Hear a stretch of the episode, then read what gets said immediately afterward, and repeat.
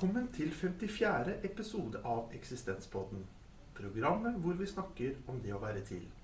Mitt navn er Erling Bærum, og i dag har jeg fått besøk av Paul Otto Brunstad. Takk for at du ville komme. Bare så hyggelig. Hvordan vil du kort beskrive deg selv? Ja, nei, men jeg har vel eh, drevet i akademia i, i alle år. Um, jeg er utdanna teolog og idéhistoriker i, i bunnen. Og før det igjen platearbeider. Eh, maskin- og mekanikerfaglig utdanna. Så jeg har en fot eh, i det tekniske og en i det humanistiske. Hva tenker du kan være viktig å nevne om deg og ditt liv? En episode eller erfaring som har hatt en stor betydning for deg? Ja, Det er kanskje den opplevelsen jeg hadde som liten gutt til jul. Og som var utgangspunktet for uh, ei bok jeg skrev da for uh, ganske så mange år tilbake. Um, og den opplevelsen det var at jeg hadde gledd meg til jul veldig. Og hadde lagt utrolig store forventninger inn i gavene som jeg skulle få.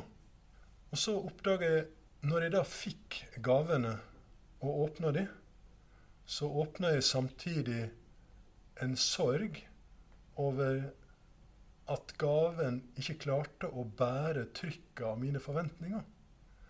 Så i gledens øyeblikk så kjente jeg en sorg som var upassende, og som ikke var en del av jula sitt budskap og glede og alt det her.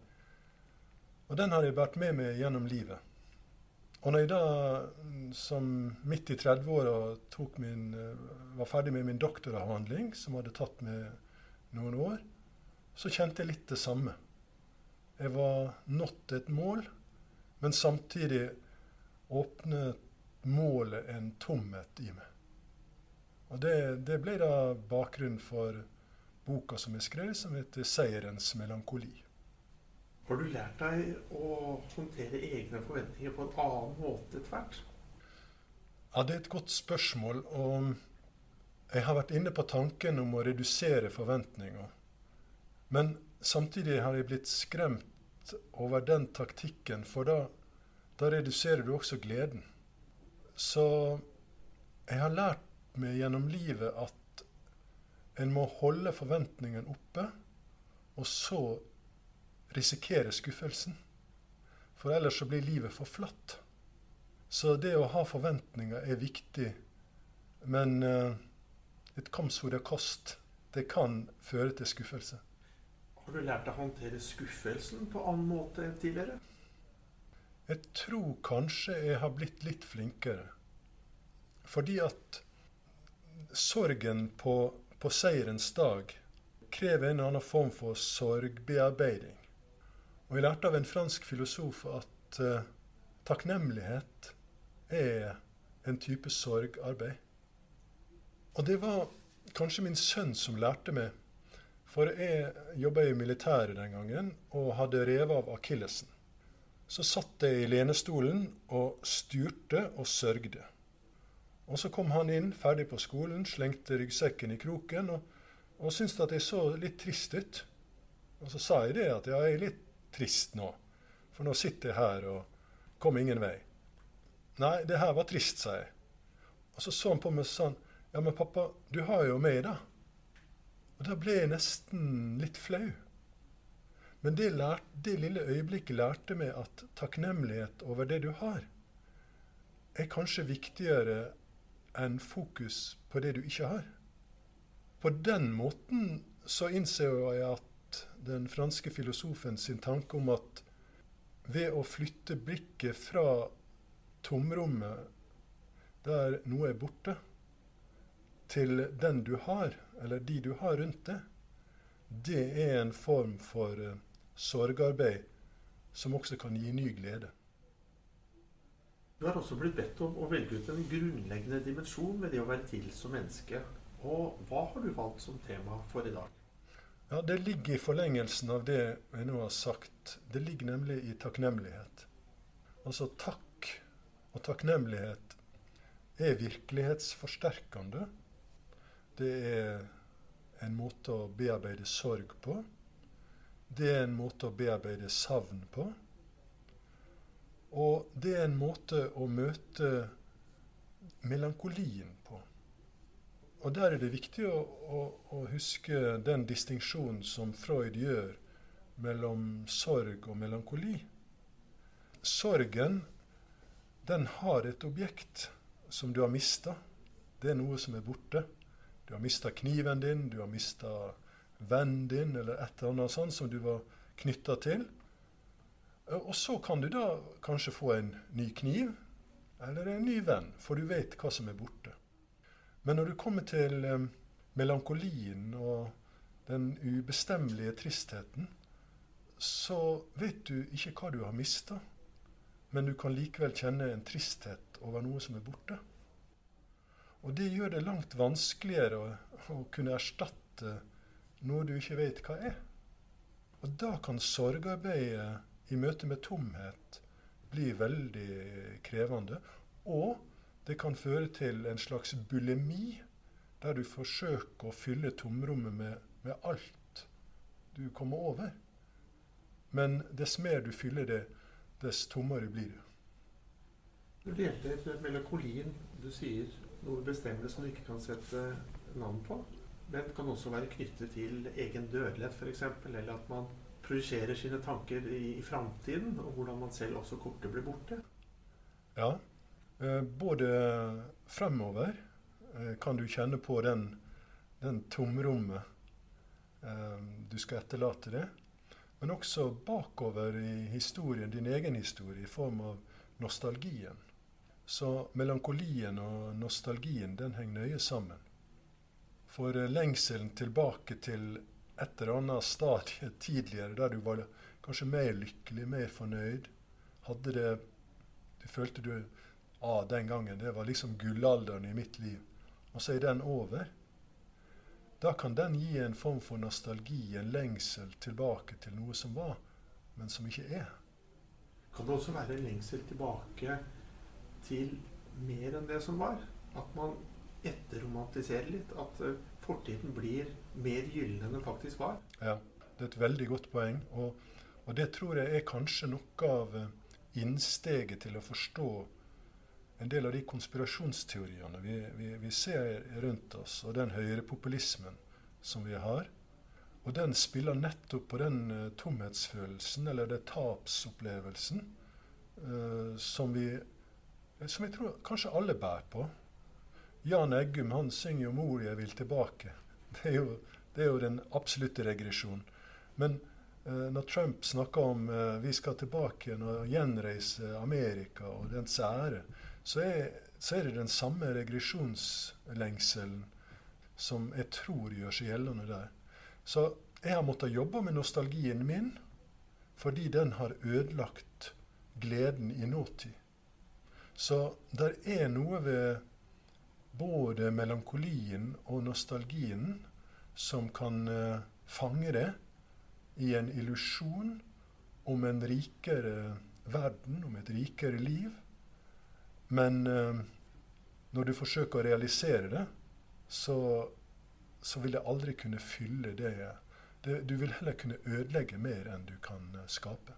På hvilken måte kan nostalgien ødelegge gleden? For du sammenligner en illusjon om noe som var, med noe som nå er, og som du ikke er helt fornøyd med. Og så blir illusjonen, drømmen, nostalgien eh, ved fortida, den blir så dominerende at alt du nå får, blir dårligere enn det som var. Og da kommer vi inn på utakknemligheten. Altså Her er spenninga mellom takknemlighet for det som fins, for de mennesker som faktisk er rundt det, og den uh, utakknemligheten som nostalgien kan produsere uh, i forhold til de som faktisk fins der kan det også bidra til at vi ser mindre av den virkelighet vi lever i her og nå, hvis vi i for stor grad lar oss lede av den illusjonen om en fortid som kanskje ikke helt var slik vi tenker det. Mm. Og det, det, tror jeg er viktig det du nå er inne på, at den var nok aldri så rosenrød som vi tror. Men hvis vi biller oss inn, for å snakke dansk, innbiller oss eh, med innbilningskraften en lysere og mer romantisk fortid, så vil nåtida alltid fremstå som blass, litt kjedelig og mindre fornøyelig. Og dermed så, så fylles vi med en utakk. Og det vil folk rundt oss merke. Jeg har strevd med, for å være, ikke være privat, men personlig, så har jeg strevd eh, nettopp med det her. Og det er kona mi som har tatt meg i det.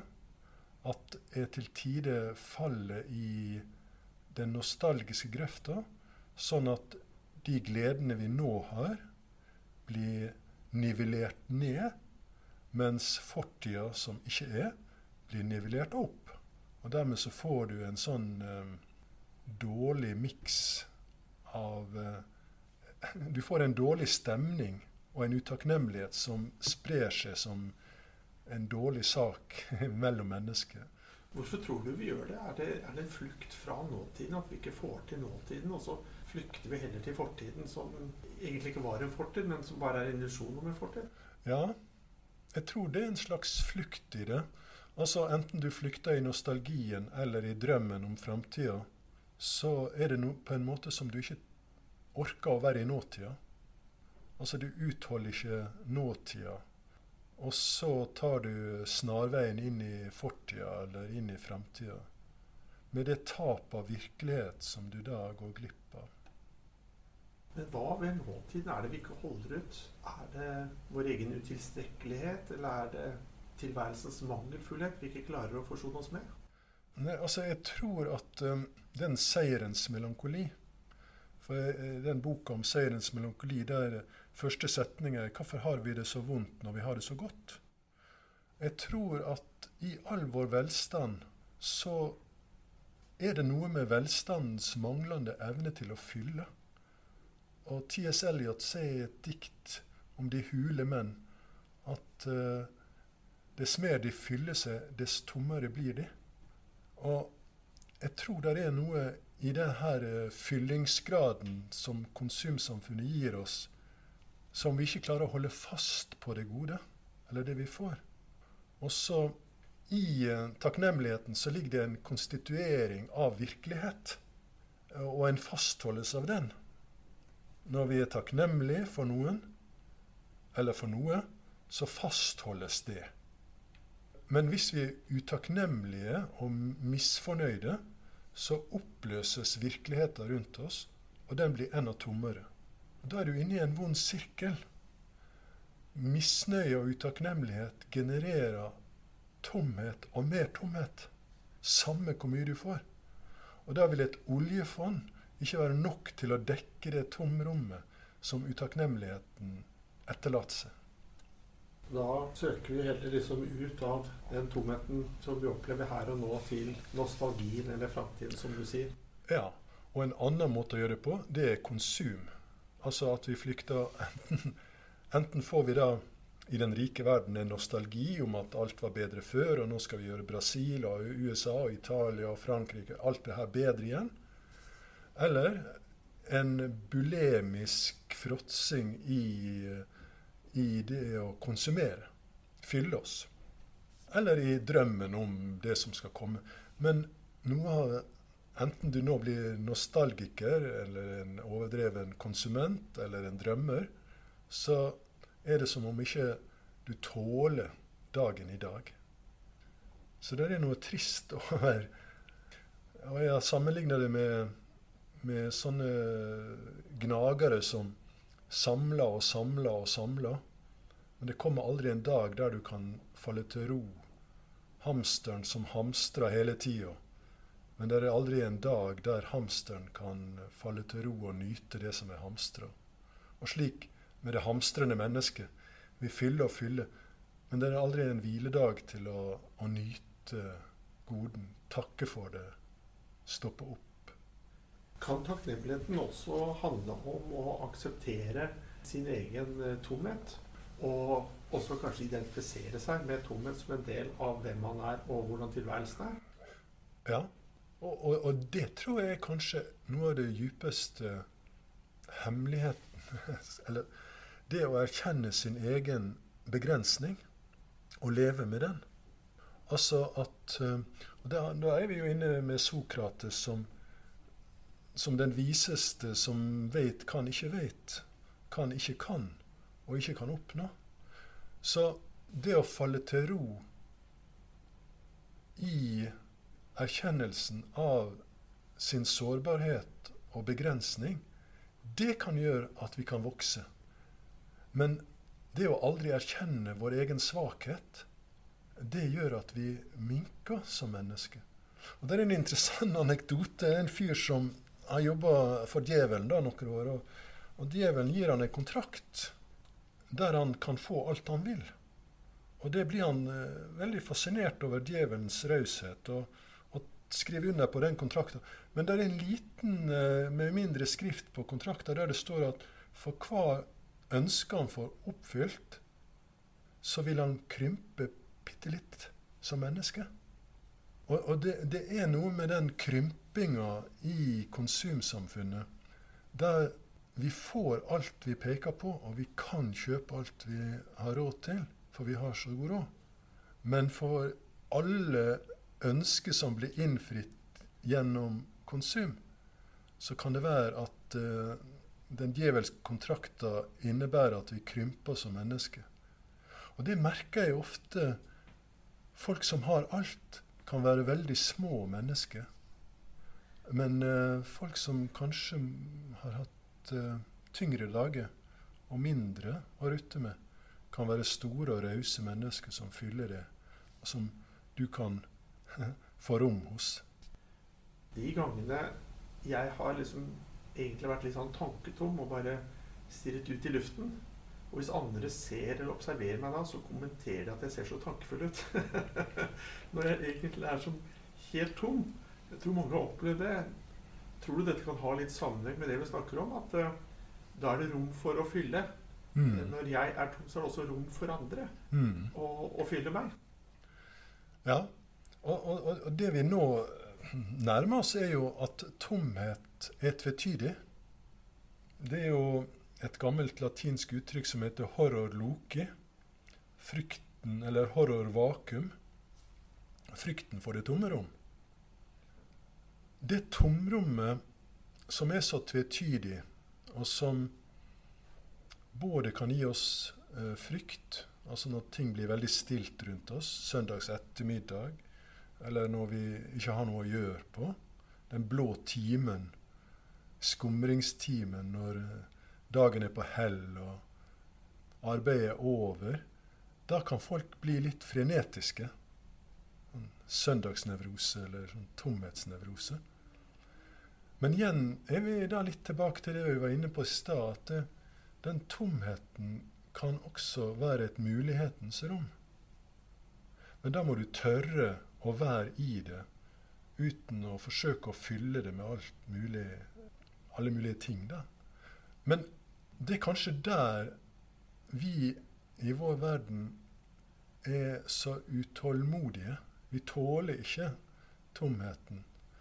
Og det kommer til veldig til uttrykk i noe som annet som jeg har jobba med. Det er kjedsomhet. Vi tåler ikke fraværet av uh, aktivitet. Men det som er spennende, tenker jeg da, det er jo nettopp det tomrommets skapende kraft. At Både kan jeg skape noe nytt ved å holde tilbake og la være å gjøre noe. Så kan noe nytt vokse fram i min egen tanke. Og for det andre, som du var inne på, så kan andre stige inn i min tanke. En tank er jo et tomrom, og en tanke er da et tomt rom med plass til nye ting. Og en uh, italiensk, uh, veldig klok kvinnelig psykoanalytiker eh, fra Italia som jeg har arbeidet med. Hun sier at uh, kanskje skal vi være glad for at livet ikke er perfekt. Og at det er mange rifter og sår og tomme rom i våre liv. For det gjør at vi kan skape noe nytt. Hvis alt var helt og perfekt, da vil det stå et skilt 'ikke rør', altså 'ligg unna' for da kan du ødelegge. Men det ødelagte, det kaller på menneskets innsats. Og på fellesskapets innsats. Litt sånn Leonard Cohen. There is a crack in everything. That's how light gets in. Så, så, så lyset kommer inn gjennom sprekkene, gjennom såret, gjennom tapet, gjennom tomheten. Uh, gjennom det kanskje vi mister. Så kan noe nytt komme inn. Altså fraværet åpner for et nytt nærvær. Hvis vi tenker på tomheten og det at vi frykter for tomheten, tomrommet, og fyller det med alt mulig annet Men hva er det vi er så redd for? Hva er det vi er så redd for å møte i tomheten, tausheten, stillheten? Hva er det vi er redd for? Jeg tror dypest sett døden. For det er jo den absolutte stillhet. Absolutte ubevegelighet. Så tankene på døden, eller det at vi skal dø, det er det vi kanskje frykter mest? Ja, men den er ikke så opplagt. Jeg tror ikke folk tenker på døden for søndags ettermiddag når de kaver på. eller er... Altså, Den er ikke sånn oppe i bevisstheten min sånn at jeg klarer å identifisere det. Er det dødsangsten som gjør at du stresser nå så veldig? Men jeg tror kanskje den ligger under. Og, og Pascal har en plass i sine tanker i Pensée noen refleksjoner om menneskets rastløshet. Og han knytter det til uh, at vi er støvets barn og skal dø. Og at det støvet vi får på skuldrene når vi er rolige, at vi hele tida må børste av oss støvet. Og Derfor blir mennesket så rastløs. Og, og, og, det er også interessant å tenke på øst for Eden, altså Kain og Abel, når Kain etter brodermordet drives um, til landet øst for Eden. Det er jo James Dean, eh, 1956, er det det? Easter og Eden. Øst, og, øst for Eden, det landet kal, kalles for Nord, og det betyr rastløshetens land. Sånn at eh, som menneske av jord Altså ordet humanitet kom av humus, som betyr jordsmonn. Altså det å være human er å være tatt av jorda. Det er å være barn av støvet. Men hvis ikke vi tåler eller kan leve med å være jordiske og dødelige. Eh, hvis vi ikke kan erkjenne det, så får vi denne her rastløsheten over oss som gjør at vi flykter fra forgjengeligheten og prøve å kompensere gjennom veldig aktivitet. Og igjen tilbake til det vi snakket om. Det å erkjenne vår jordiske støvlighet og dødelighet gjør at vi kan OK, so be it. En dag så er jeg borte. Det må jeg akseptere. Men før jeg er borte, så skal jeg være med og skape en bedre verden for meg og for mine. Ja, for jeg knytter også det med dødelighet også til melankoli. At det ligger dypt i oss en form for sorg over egen dødelighet. da. Men samtidig så er det jo slik som Heidegger sier, man kan jo også snu på det. Og så kan man også bruke døden som en frigjørende erkjennelse for å sette sitt eget liv i perspektiv.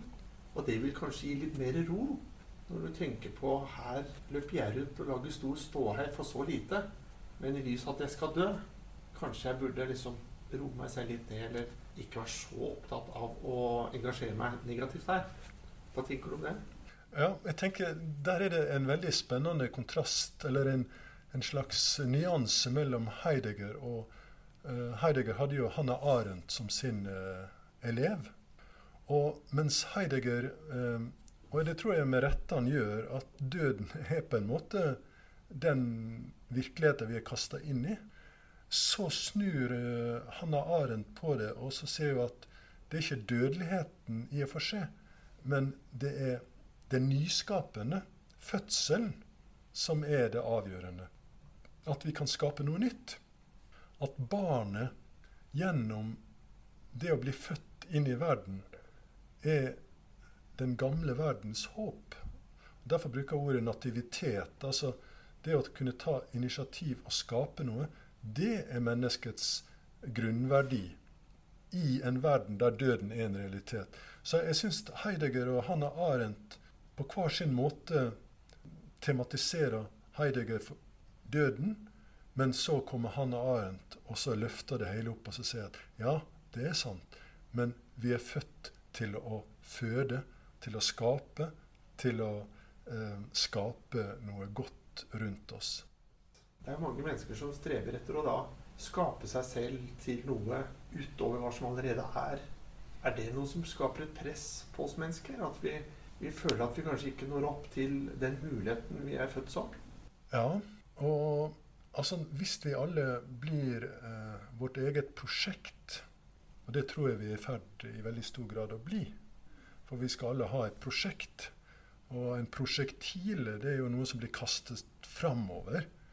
At du skal bli noe annet, du skal kunne realisere alt, og du kan bli hva du vil. Og, og, og, og det her er en farlig greie som ligger limt opp imot den positive eh, kreativiteten eller nyskapinga som eh, Hanna Arendt er inne på. Fordi den gjør det til en individuell prestasjon.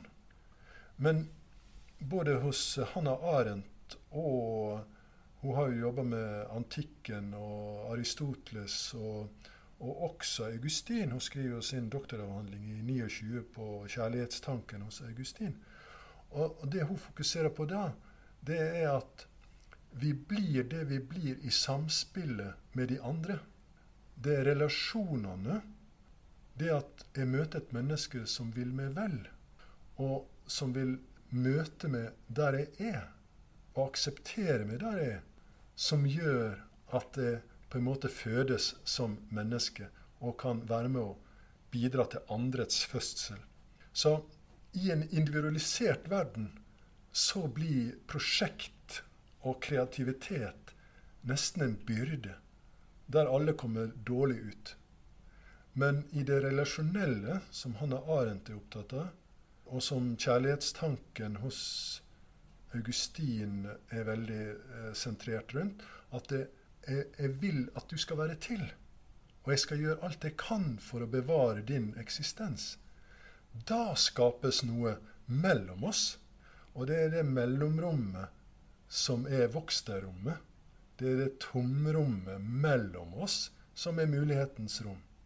Hvis det flyttes ene og alene inn i enkeltindividet, så knekker enkeltindividet under byrden av å skape seg sjøl. Og det går aldri. Og, og, og, veldig artig der da, at den andre er den første. Og mother er den første other. Altså the other er din værens grunn. Raison d'être. Det er den andre som bærer den første. Og det er din mor, other, mother, som bærer det fram og gir det livet. Og sånn fortsetter livet. Det er i de, i de, andres hender at vi kan skape og utvikle og være til. Har du noen gang følt på det, eller opplevd det at det må stå noe igjen etter meg som person? Um, ja, da er vi liksom tilbake der vi kanskje begynte samtalen i dag. Altså om om det rastløse. Altså I Faust-legenden så er det jo det rastløse mennesket som aldri får nok, og strebende. Altså det strebende mennesket som synes aldri å få nok. Men altså, det er noe i den eh, ønsket om å etterlate seg spor, og det å streve mot noe høyere, eh, som kan være en viktig drivkraft i livet. Altså menneskets streben som, eh, som Goethe og, ja, Faust representerer. Der er noe, noe skapende i det. Men, men, så er det da at du må erkjenne din mulighet og din begrensning og din alminnelighet i den muligheten som ligger i å skape. Så det er en balansekunst mellom erkjennelse av å kunne skape, og at det å strebe mot noe, ønske noe, sikte seg inn mot noe høyt og, og, og rikt og godt, er viktig. Men i det ligger også hovmodet og, og hybris og, og, hele den pakka der. Så det er å kunne vokse som menneske innenfor de rammene som mennesket er gitt. Streber vi på de riktige områdene? Kanskje kunne vi strebe litt mer med det å skape hverandre gode? Ja, og da, da, da, tenker jeg at du er inne på feedback. Jeg har tenkt på det ordet. Feed er føde. Når du gir mennesket takk og anerkjennelse, så får de feed, altså det får føde. Og, da, og det er veldig artig med det norske ordet føde. For en fødevarebutikk eh, selger jo ikke små barn som er født, men det selger mat. Føde. Og fødestuen på sykehuset er ikke en, eh, et kjøkken, men, men det er der barna blir født. Så føde det er både mat, feedback, så er det både ditt nærvær og din takknemlighet for den andre. Det er en fødende handling, der den andre fødes som menneske gjennom min respons til det. Sånn at eh, fødestuen, det er i grunnen eh, dialogens rom. Der du eh, blir reflektert og anerkjent og sett av den andre. Der fødes vi som mennesker. Der skapes det menneskelighet. Og der skapes det fellesskap og blomstring. Og, og det, det, det, Den greske antikken tenkte jo på lykke nettopp eudaimonio, eh, som det at du i rammen av fellesskapet får lov å være og utvikle det du lengter etter og er god på. Fordi de andre er med å gi det muligheten til det. Og det da, hvis alle gjorde det, så ville jo vi vokse og trives og, og ha det veldig spennende, egentlig. Og da opplever vi også at vi utfordrer matematikken. For da blir det slik at ja, du og jeg, vi er én pluss én, men når vi gjør på den måten, og gir hverandre den type føde, da, så blir én pluss én tre. Og jeg, jeg syns at det, den beste fortellinga om det her er jo er jo brødunder i Det nye testamentet, der han lille gutten kommer med noe som virker veldig pinglete. Det er to uh, slappe fisker som sikkert ikke lukter så godt, og fem brød. Men så blir det tatt imot med takk, det den lille gutten har. Og når, når, Jesus da løfter det opp og takker for det, så blir det mer mat enn det 5000 mennesker kan spise. Sånn at takken er genererende. Og akkurat som du er inne på, det, det sprenger matematikkens logikk. Og gjør at eh, det som er veldig lite, kan bli enormt stort. Og motsatt. Utakknemlighet kan gjøre det veldig store veldig lite.